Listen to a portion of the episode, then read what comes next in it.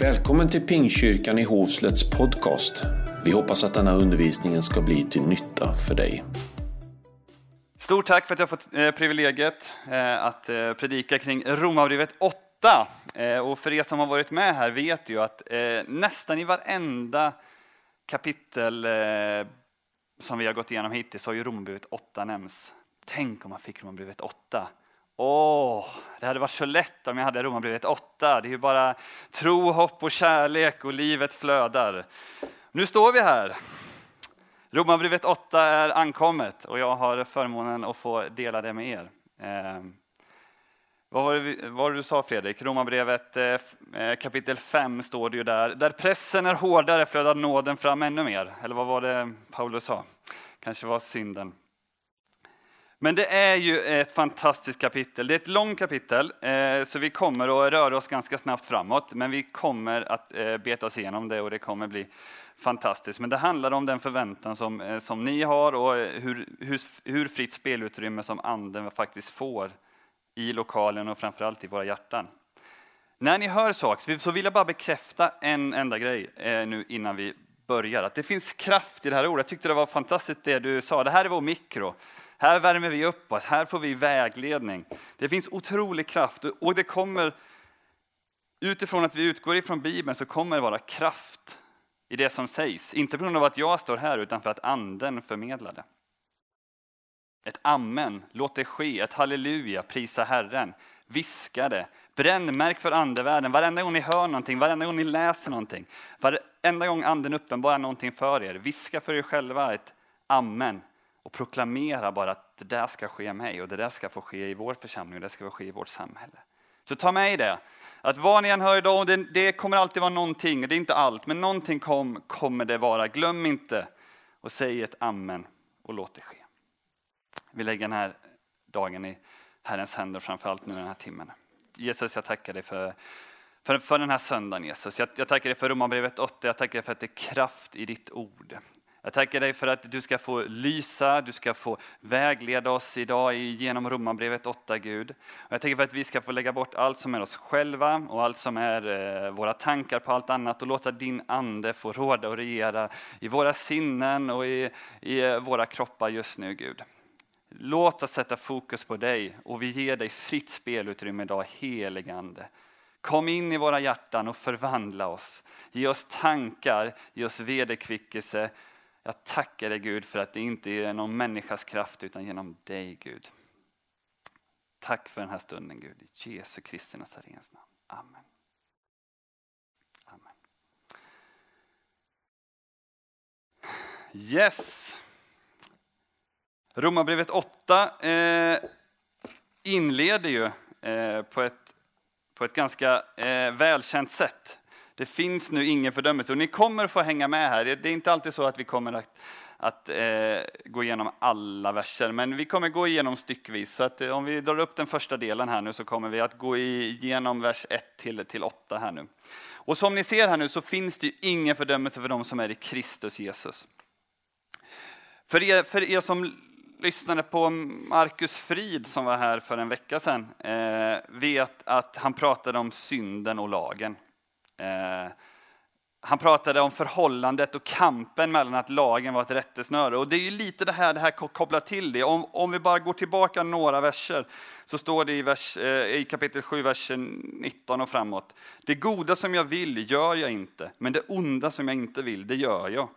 I min inre människa glädjer jag mig över Guds lag, men i mina lemmar ser jag en annan lag som kämpar mot lagen i mitt sinne och gör mig till fånge under syndens lag i min kropp. Jag arma människa, vem ska rädda mig från denna dödens kropp? Gud vare tack genom Jesus Kristus vår Herre. Alltså tjänar jag själv med mitt sinne Guds lag, men med köttet tjänar jag syndens lag. Så finns nu ingen fördömelse för dem som är i Kristus Jesus. Lite kopplat till just den här kampen som alltid kommer att finnas mellan köttet och det vi går, går in i här nu, vi, vi ska inte släppa den eh, versen än, det är ju det han introducerar då. När vi då pratar om lagen som ett rättesnöre och som en, som en, som en hjälp som uppenbarar eh, faktiskt vår synd. Jag tror att Markus Frid pratade om att vi gick från eh, lyckligt ovetande så kom lagen och då blev vi olyckligt vetande om hur mycket som vi faktiskt brast i, i form av allt som lagen säger åt oss att göra. Och någonstans så kommer vi här då till vers 2, där vi pratar inte om lagen, utan vi pratar verkligen om fantastiskt. Vi pratar om livets andes lag. Livets andes lag har i Kristus Jesus gjort mig fri från syndens och dödens lag. Halleluja. Det är bara Guds ande som han nu introducerar. Vi har lagen, men nu har vi livets andes lag. Och nyckeln här är ordet i mitten, den helige ande. Andeslag. Och då är det så här, jag gör så här faktiskt, för det här kommer inte gå, ni har redan upptäckt att det är helt kört. Det är bara Guds ande som kan förverkliga de möjligheterna som kapitel 6 som eh, Jakob prat, pratade om och kan övervinna de omöjligheterna som kapitel 7 talar om när, när han säger men jag arma människa, vem ska rädda mig? Hur kommer det här att gå? Det här nya livet som Paulus pratar om här kommer bara ske genom den helige Ande. Och istället då för att lagen står i motsats till vårt kött så står nu anden i motsats till köttet.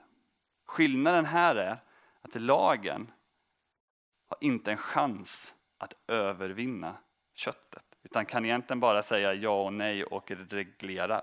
Men anden övervinner köttet för alla människor och inte bara för en viss utvald grupp. Och det är här görs hela skillnaden. Så nu har vi pratat om Adam och Kristus, vi har pratat om synden och köttet i förhållande till, eller ehm, köttet och lagen i förhållande till varandra. Och nu, mina vänner, ska vi få prata om anden versus köttet.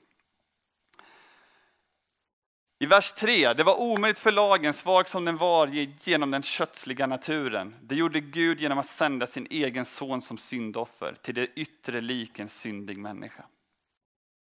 Varför kan vi nu helt, helt plötsligt börja prata om anden? Om lagen har varit en sån central del i så många år, helt plötsligt så finns anden.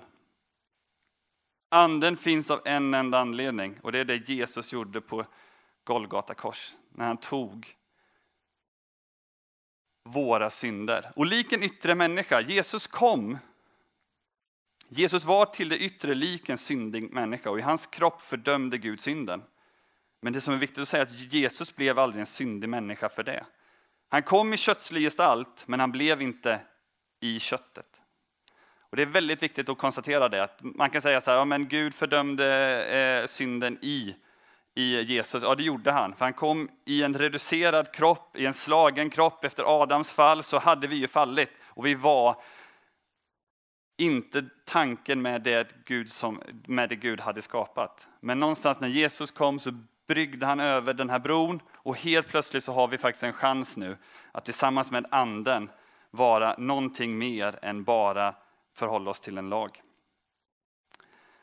Att leva efter köttet innebär att låta sitt liv bestämmas av den värld som vi lever i. När vi går in då i vers 5 och 7 här nu framåt. Att leva efter köttet innebär att låta sitt liv bestämmas av den värld som vi lever i. En värld som valt att inte låta Gud vara Gud. Kanske ser vi, vi har läst det många gånger i Gamla Testamentet om Babylon. Ett folk som trodde sig kunna bli större än Gud, som inte lyssnade på Gud överhuvudtaget och som tänkte att om jag bara bygger ett torn högt nog så kommer vi kunna peta ner Gud, han själv, från hans tron. De provocerade Gud. Och det är lite det som köttet ger. Och vad är då alternativet? Om vi bara bläddrar fram snabbt bara till Galaterbrevet så har vi eh, i Galaterbrevet 5 så står det om köttets gärningar och andens frukt. Bara för att en gång bara redogöra för vad köttet faktiskt står för. Köttet söker det som är emot anden och anden söker det som är emot köttet. Det finns en ständig kamp där. Och köttets gärningar, de är uppenbara. Sexuell omoral, orenhet, orger, avgudadyrkan, okultism, fientlighet, gräl, avund, vredesutbrott, själviskhet, splittringar, irrläror, illvilja, fylleri, vilda fester och annat sådant. Det är köttet i sin natur. Det är inte alltid att det syns, men det är köttet i sin natur. Vi kan absolut förfina det här och ni har sett det många gånger att ja, men det där, eh, jag vet människor som lever köttet som inte alls visar det där. Absolut, det finns eh, med uppfostran och, och dylighet saker som man absolut kan göra, att man förfinar de här grejerna. Men det här är köttets natur, det är köttets gärningar. Vad är då alternativet som eh, Paulus pratar om här? Jo, han pratar om att det finns livets andes lag. Och vad är frukten ut, utav att följa den lagen? Jo, men här pratar man om kärlek, glädje, frid, tålamod, vänlighet, godhet, trohet, mildhet och självbehärskning. Så de som lever efter köttet tänker på det som hör till köttet. Men de som lever efter anden tänker på det som hör till anden. Frukterna av ett liv när vi lever i anden var klart mycket mer eh, eh roligt att höra än det som faktiskt köttet gav. Och jag tror att om vi då går in i vers 6 där köttets sinne är död men andens sinne är liv och frid, så skulle man nästan kunna stanna där. Bra, vi har läst vad köttet innebär. Det innebär de här grejerna.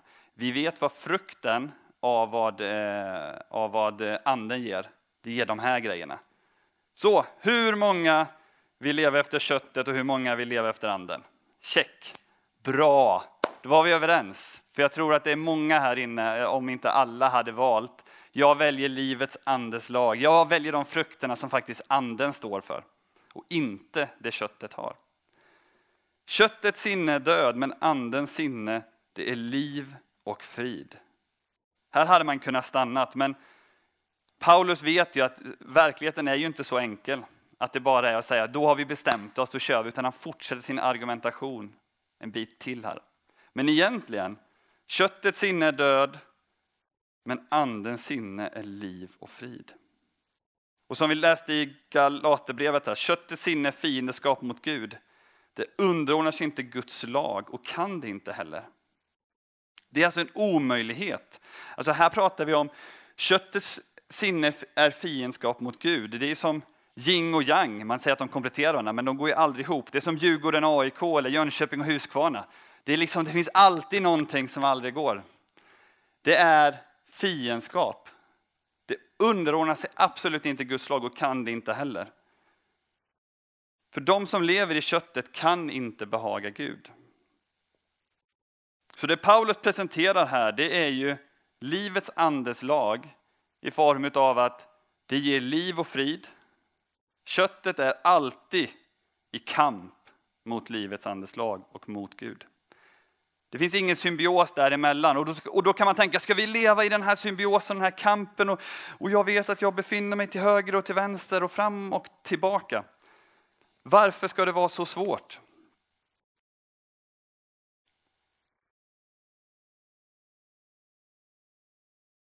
Vers 9. Vi kan bläddra, bläddra fram en. Där har vi svaret någonstans. Och då står det så här. Ni däremot lever inte i köttet utan ni lever i anden. Eftersom Guds ande bor i er.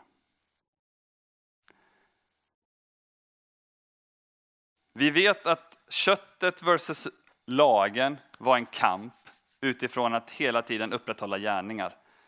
Sen kom anden och så börjar man undra, okej, okay, anden versus köttet, var är den här kampen och var befinner jag mig i allt det här? Jag vet ju att anden finns, men köttet är starkt. Den här första meningen, ni däremot lever inte i köttet.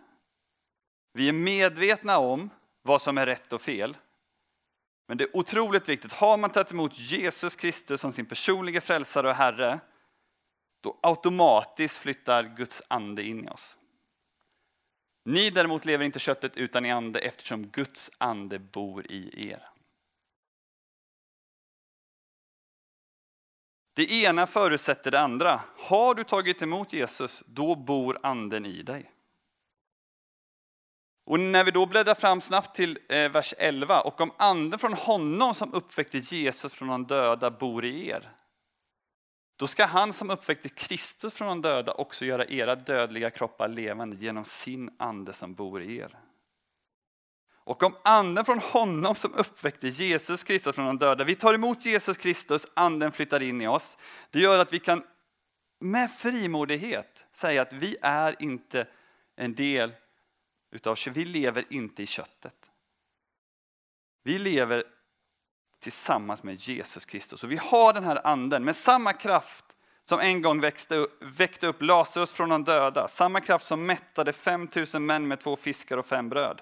Samma kraft som gav, som gav blinda sin syn tillbaka. Lama kunde gå, spetälska blev helade, stumma kunde tala, sjuka blev friska. Samma kraft som, stollas, som stillar stormar gör vatten till vin som uppväckte Jesus från de döda. Exakt samma kraft bor just nu inom oss, inom oss allihopa.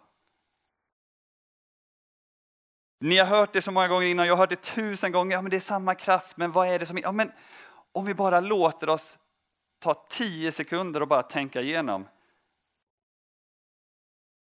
Ja, men du vet, jag tror på Jesus Kristus. Jag tror att han dog och han uppstod. Han uppstod. Hur kunde han uppstå? Ja, men det är ju en enorm... Det är ju det är ett mirakel, det är ett under. Det är, det är samma kraft som uppväxte Jesus från de döda. Samma kraft bor i oss allihopa. Vi har tillgång till den kraften 24-7.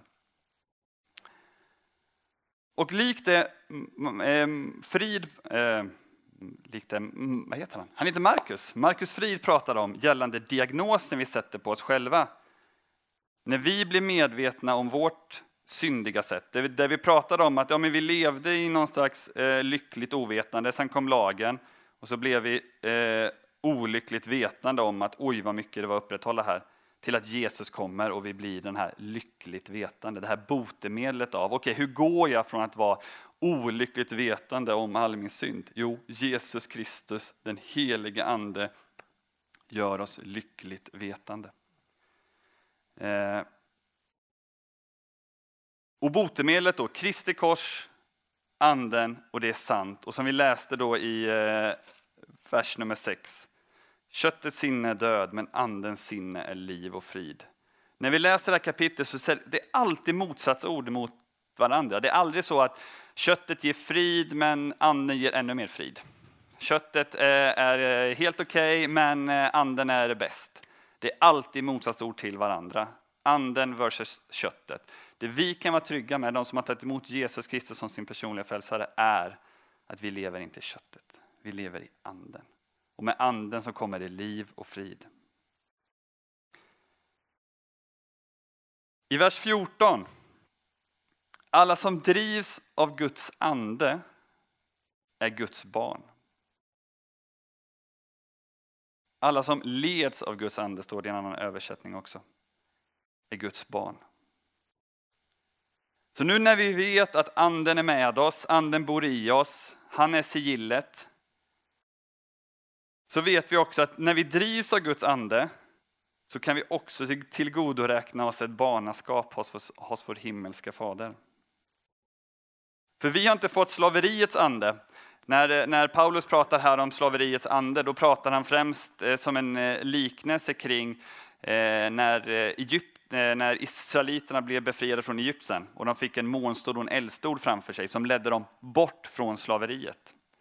Det är liksom att få den här slaveriets ande som ligger och trycker på hela, hela tiden. Nej, ni är befriade från slaveriets ande. Ni har inte har den längre. Vi har molnstoden och eldstoden under den tiden då som ett sigill på att man faktiskt tog sig bort från eh, slaveriet. Och beviset är nu då att vi har fått barnaskapets ande. Istället för slaveriets ande som en bild på, på eh, slaveriet i Egypten så har vi fått barnaskapets ande och i honom ropar vi Abba far. Abba.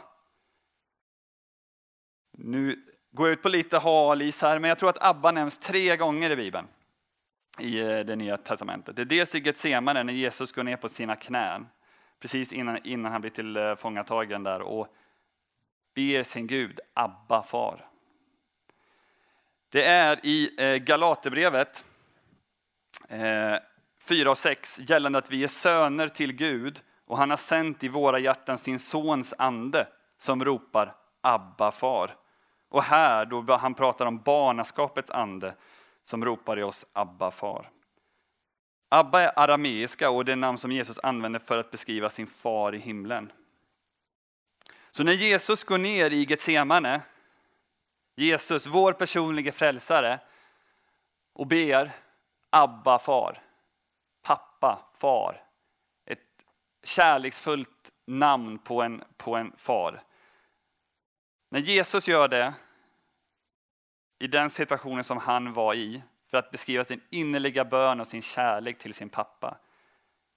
Samma ande är nu i oss och ropar Abba, far.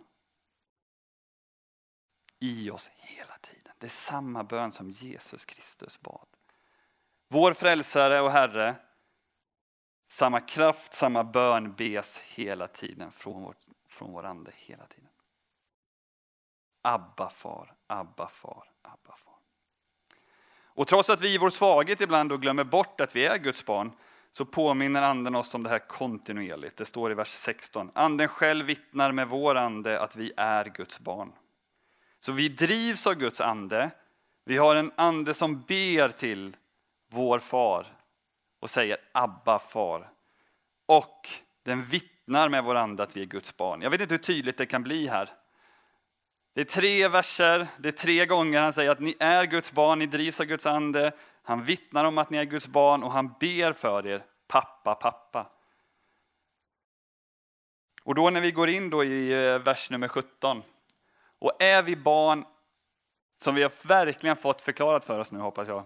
Jag tror att Paulus varit övertydlig här nu. Och är vi barn så är vi också arvingar. Guds arvingar och Kristi medarvingar. Lika viss som vi lider med honom för att också förhärligas med honom.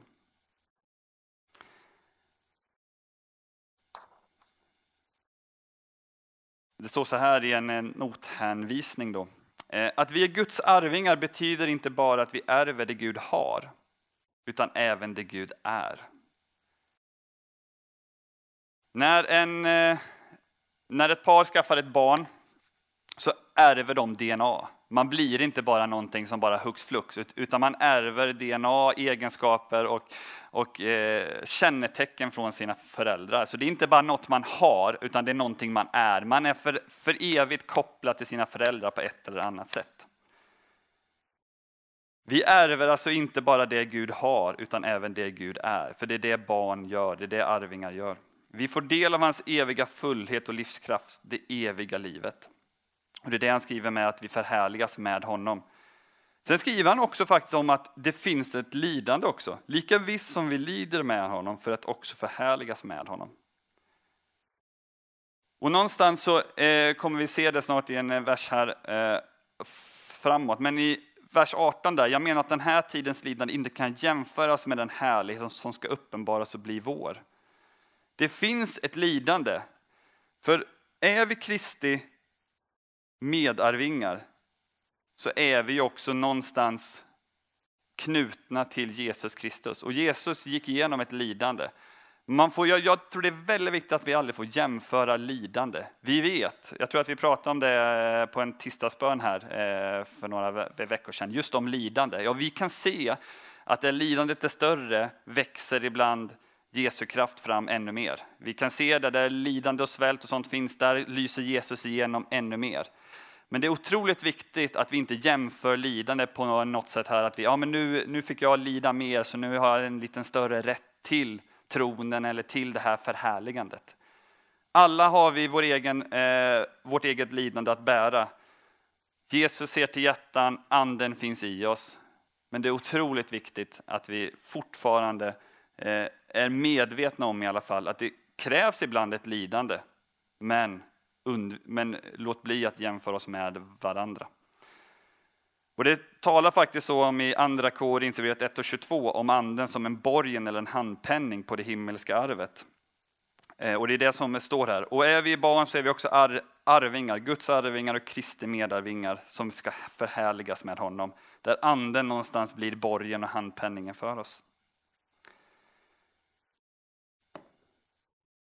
Och då när vi kommer in i då Romarbrevet 18 här, så står det här, jag menar att den här tidens lidande inte kan jämföras med den härlighet som ska uppenbaras och bli vår.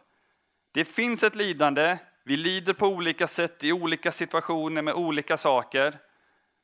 Men jämföra det här lidandet med faktiskt den seger och, den, och det förhärligandet som, vi, som är faktiskt vårt. Menar Paulus här om att jämför inte de grejerna för att då, då bör ju vi också inse jag brukar prata om det. Vad, vad, vad är hundra år, på, eh, vad är 100 år på jorden gentemot en evighet i himlen? Då blir det väldigt futtigt. Sen kan man inte ta det rakt av för att alla har, har olika delar till det. Men lite det, det vill han säga. Det går inte att jämföra den här tidens lidande med faktiskt det som Jesus Kristus har gjort för oss. Och när vi då läser i, eh, i vers 19 sen att själva skapelsen väntar och längtar efter att Guds barn ska uppenbaras. Vi har alltså en hel skapelse på det här förhärligandet. Vi vet nu att anden bor i oss. Vi är inte en del av köttet. Ja, vi vet om köttets begär och vi har koll på det och vi vet det, men vi är, så länge vi har anden i oss så, kommer vi, så har anden övervunnit köttet. Vi vet att vi är Guds barn, vi drivs av Guds ande och det har gjort oss till, till eh, medarvingar till det himmelska riket. När Gud skapade eh, jorden eh, så skapades allt i harmoni med varandra. Sen hände det saker. Och det jag vill bara på upplysa här att själva skapelsen väntar och längtar efter att Guds barn ska upp uppenbaras. För skapelsen har, har ju blivit lagd under förgängelsen, inte av egen vilja utan genom honom som lade den, den därunder. Ändå finns det hopp om att även skapelsen ska befrias från sitt slaveri under förgängelsen och nå fram till Guds barns härliga frihet. Vi har alltså en hel skapelse som någonstans väntar och trängtar på den här dagen då Jesus Kristus ska komma tillbaka. Vi har träd som står på tårna, vi har blommor som bara laddar upp för att faktiskt få blomma ut i all sin prakt.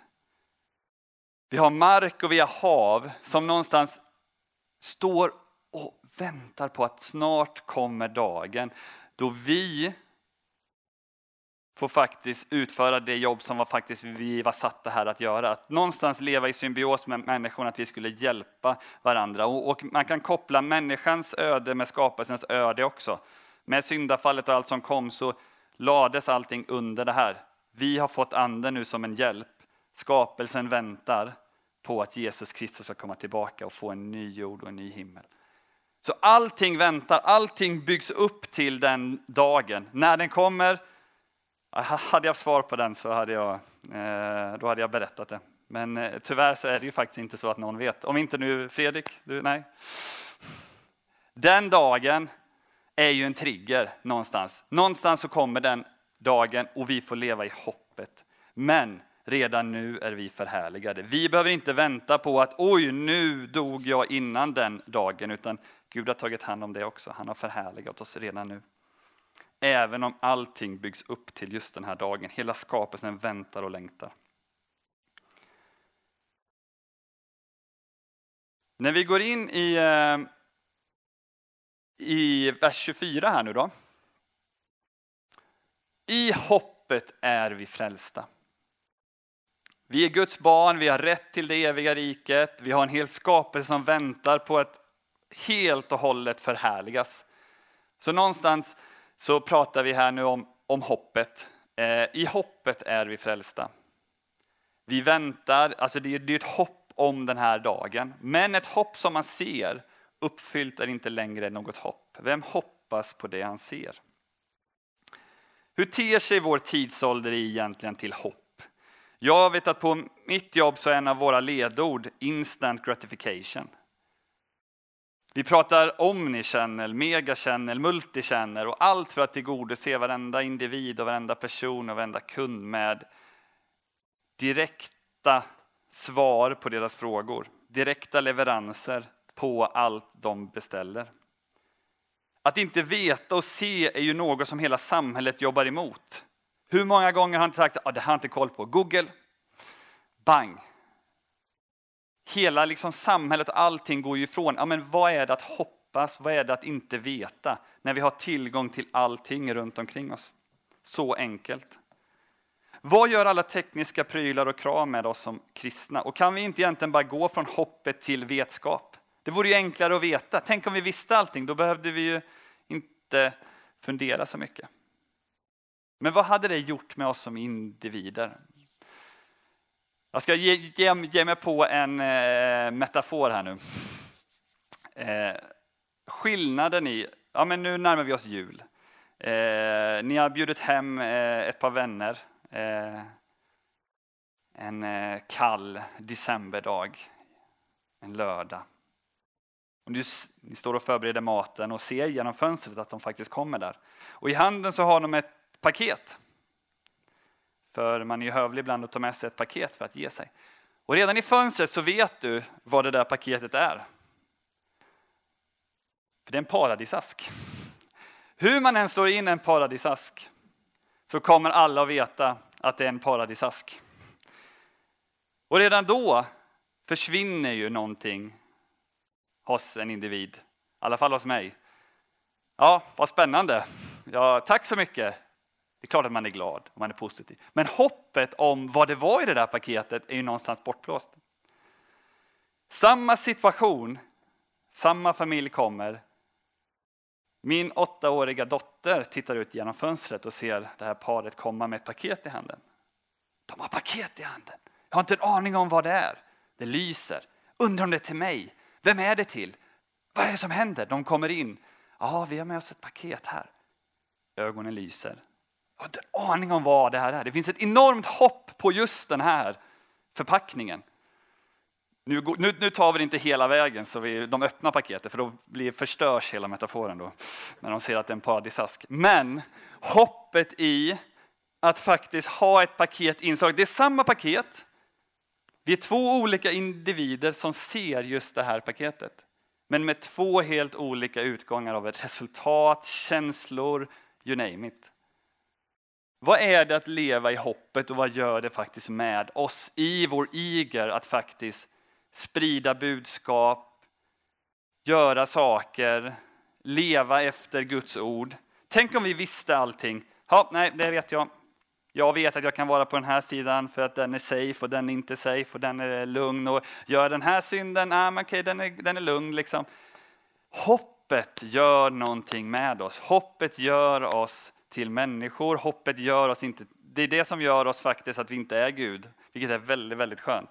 För hoppet handlar om att faktiskt inte veta. Det handlar om att tro, hopp och att faktiskt ge ut den kärleken. Så i hoppet är vi frälsta. Vi hoppas på den här dagen, vi hoppas på ett förhärligande. Vi tror på det.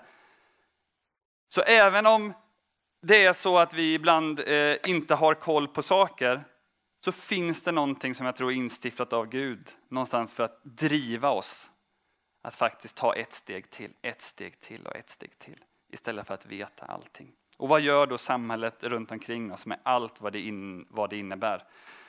Jag säger inte att det är fel att veta, det finns en enorm, det finns en enorm eh, kraft i, i teologi och att eh, lära känna Guds ord, men det är inte det vi pratar om nu. Vi pratar om hoppet är vi frälsta. Och vem hoppas på det han redan ser? Att kunna saker, att ha kunskap i det är fantastiskt, men glöm inte att leva i hoppet. Så vi är frälsta, men om vi hoppas på det vi inte ser, då väntar vi uthålligt. Vi vet inte dagen som Jesus kommer, vi vet inte dagen eh, och allting, men vi hoppas och vi tror. Yes, vi kör eh, en slide framåt här nu då. När vi är svaga, när köttet är starkt, då ber han för oss. Det står i andra, kor, andra kor 4.7, jag fick det av, min, eh, av Jonas Skarphammar här, här i tisdags också. Där det står så här, men denna skatt har vi i lerkärl för att den väldiga kraften ska vara Guds och inte komma från oss.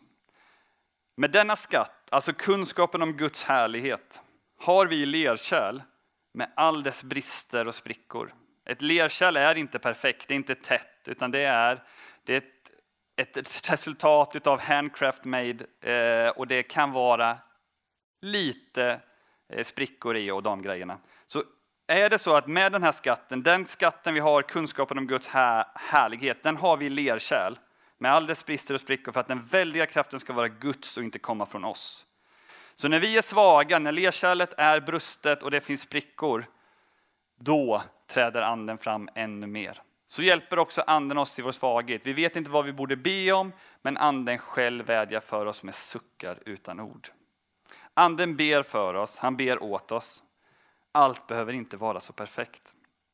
Gud ser till hjärtat. I vers 27 står det, eh, och han som utforskar hjärtan vet vad anden menar eftersom anden vädjar för, för de heliga så som Gud vill.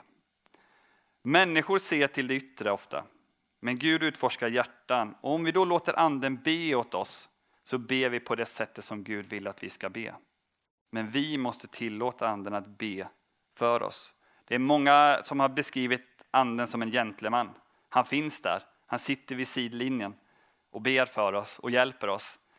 Men vi måste bjuda med honom in på planen för att vi ska få den fullständiga kraften och powern. Anden lämnar oss aldrig. Han står i vår svaghet när vi är som när vi är längst ner så är han där och han ber för oss, Abba far, Abba far, Abba far. Och han vet precis på det sättet som han ska be om. För anden vädjar för, för de heliga så som Gud vill. Så inte av någon människas kraft utan av den heliga andes kraft. Det är där nyckeln finns här. För då ber vi på det sättet som faktiskt eh, Gud vill att vi ska be som. Så i vår svaghet, i vår brustenhet så, blir and, så ber anden för oss. Och anden gör det med glädje. För vi vet att allt samverkar till det bästa för de som älskar Gud. Allt, skapelsen, nu är vi där igen. Allt är allt. Allt är inte allt förutom det här golvet eller den där personen. Allt är allt. Fullständigt allt. Samverkar inte av en slump. Samverkar är Gud som faktiskt drar i trådarna. Så allt samverkar för de som älskar Gud, oss som är kristna. Och de som han i förväg har känt som sina har han också förutbestämt till att formas efter hans sons bild, så att sonen blir den förstfödde bland många bröder. Och de som han har förutbestämt har han också kallat. Och de som han har kallat har han också förklarat rättfärdiga, och de som han har förklarat rättfärdiga har han också förhärligat. Så nu vet vi att vi är Guds barn, vi vet att anden ber för oss, vi vet att vi har en plats i himlen och här sätter han ju pricken över i på alltihop. De som han i förväg har känt, de som han vet om, som sina har han också förutbestämt att formas efter hans sons bild. Och det är inklusive lidande, det är härligheten, det är Kristuslikheten. Så att sonen blir den förstfödde bland många bröder. Vi är alla Guds barn och söner, men bara en kan vara förstfödd. Och här är kanske en bild på att vi kan ses som yngre syskon. Vi har fått ta del av det arvet, vi var Kristi medarvingar. Vi har fått ta del av, Kristi, av Guds arv eh, som Kristi medarvingar. Vi är Guds barn. Jesus är också på ett sätt Guds barn. Men en enklare, enklare bild kan vara att han är storebror och eh, har rätt till, det största, eh, till, till den största delen av arvet och vi får faktiskt bara få vara med. Och det är Jesus som faktiskt säger det är okej, okay. alla får vara med på tåget. Och de som han har förutbestämt till det här har han också kallat till sig. Då. Och de som han har kallat till sig har han också förklarat rättfärdiga. Och de som han har förklarat rättfärdiga har han också förhärligat. Det står inte så har han kanske gjort det eller så kommer han att göra. Det står har han också. Har han, har han, har han. Det menas med att redan nu kan vi vara helt trygga med att det finns ingen fördömelse för de som är i Kristus och vi är redan förklarade för härliga. Så trots allt kött och all synd och all bitterhet och allting som finns i världen så finns det ingen fördömelse och det finns framför allt en bibeltext där det står så klart och tydligt att han har redan förklarat oss rättfärdiga och förhärligat oss. Sista rycket här nu, som är en fantastisk avslutning. Vad ska vi nu säga om detta? Om Gud är för oss, vem kan då vara emot oss? Så trots att Paulus nu har deklarerat så tydligt, han har förhärligat er, ni är Guds barn och allting, så förstår han att vi är människor. Och någonstans så säger han, men om Gud är för oss, vem kan då vara emot oss? Ja, egentligen så, köttet är död, jag är Guds barn, jag, jag, jag, kommer, jag har ett tryggat evigt liv. Check, check, check. Ja, om Gud är för oss, vem kan då vara emot oss? Ja, då förstår han att det finns tvivel. Det finns tvivel kring Guds avsikter. Det finns tvivel kring anklagelse, fördömelse. Finns det verkligen inget som kan skilja oss från Kristi kärlek? Han tar upp grej, frågor på frågor här som faktiskt vi också lever med i, i dag. Det står ju till och med i Saltaren att för din skull dödas vi dagen lång, vi räknas som slaktfår. Alltså Gud, det borde ju finnas anledningar till att någonstans det inte går hela vägen. Det kanske finns en liten gråzon. Då avslutar han med de tre sista verserna här. I vers 37. Men i allt detta vinner vi en överväldigande seger genom honom som har älskat oss. Mitt i allt detta, trots att vi har alla löftena, allt är checkbock, jag har frågorna och han har svar på frågorna, så mitt i allt detta så vinner vi en överväldigande seger. Jag slog upp några synonymer till överväldigande.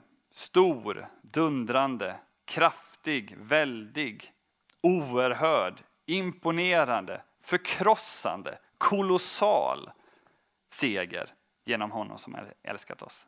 Det råder alltså inga tvivel om att trots alla tvivel och trots alla tankar och trots allt som händer så har han älskat oss så mycket så han har vunnit en överväldigande seger. För jag är viss om att varken död eller liv, varken änglar eller furstar, varken något som nu är eller något som ska komma, varken makter, höjd eller djup eller något annat skapa ska kunna skilja oss från Guds kärlek i Kristus Jesus vår Herre. Han tar upp död, han tar upp liv, han tar upp andevärlden, han tar upp allt som är och som ska komma.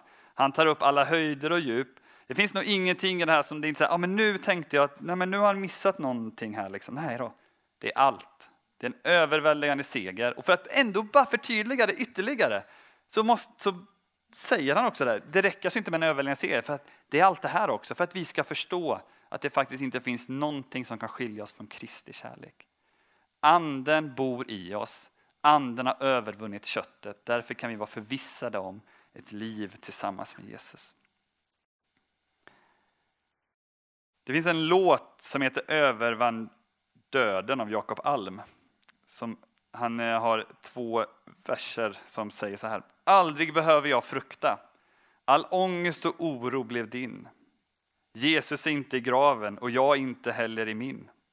För kraften som övervann döden, som väckte upp Kristus till liv, den är min, den är min.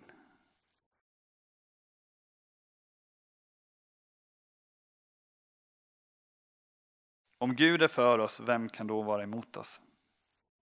Svaret på den frågan, som jag är övertygad om att Paulus hade i sitt sinne också, det är just det sammanfattas i allt det här. Det finns en överväldigande seger. Jesus har betalat priset för oss. Han blev aldrig en syndig människa, men han kom i mänsklig gestalt så att vi kan bli, som vi sa här i början, jag bara tar den. Eh, Gud i sonen blev vad vi är för att vi ska bli som han är. Anden bor i oss och det enda han vill är att få vara en del av vårt liv. Vi kan vara förvissade om att vi en dag kommer få tillbringa evigheten där uppe eh, eh tillsammans med honom. Eh, om det sker imorgon eller om tusen år, det låter jag vara osagt. Men det jag vet i alla fall och det jag har lärt mig efter den här, att gått in i Romarbrevet 8, det är att vi har ett liv som pulserar inom oss, som vill ta del av allt vi gör. Om vi bara väljer att låta anden få vara en del av våra liv, att låta anden få be åt oss, för oss. Den gör det redan nu, men vilken kraft det finns i samma kraft som uppväckte Jesus från de döda. Det, det, det är wow-faktor på den. Jag har hört seminarium där de har gått så här, wow-faktor, det här är, nej, det här är wow-faktor. Vi har samma kraft som Jesus hade i oss. Varje dag, hela tiden. Och aldrig behöver jag frukta. All ångest och oro blev din. Jesus är inte i graven och jag inte heller i min. För kraften som övervann döden, som uppväckte Kristus till liv, den är min, den är min. Amen. Tack Jesus för den här söndagen Jesus. Jag tackar för din heliga Ande. Tack för att vi får ta del utav, utav ditt liv och din frid och allt som står i ditt ord. Jag tackar för att ditt ord är kraft. Det är vägledning, det är klarsynthet. Jag tackar för att vi bara ska få efter den här söndagen bara få ta del utav dig ännu mer genom att bjuda in dig, helig Ande, in i vårt liv och låta du få ta kontrollen istället för att vi ska ta kontrollen. Allt behöver inte vara perfekt Gud, allt behöver gå enligt din väg och dina tankar, då blir det perfekt Jesus. Tack för att vi får bara lägga ner allt som är oss själva inför dig och låta anden få ta större plats i vårt liv Gud. Och tack för det du gjorde på korset och tack för det du gör idag och framåt. I Jesu namn. Amen. Du har nu lyssnat på Pingkyrkan i Hovslätts podcast. Vill du veta mer om vår kyrka så besök vår hemsida www.hovslattpingst.se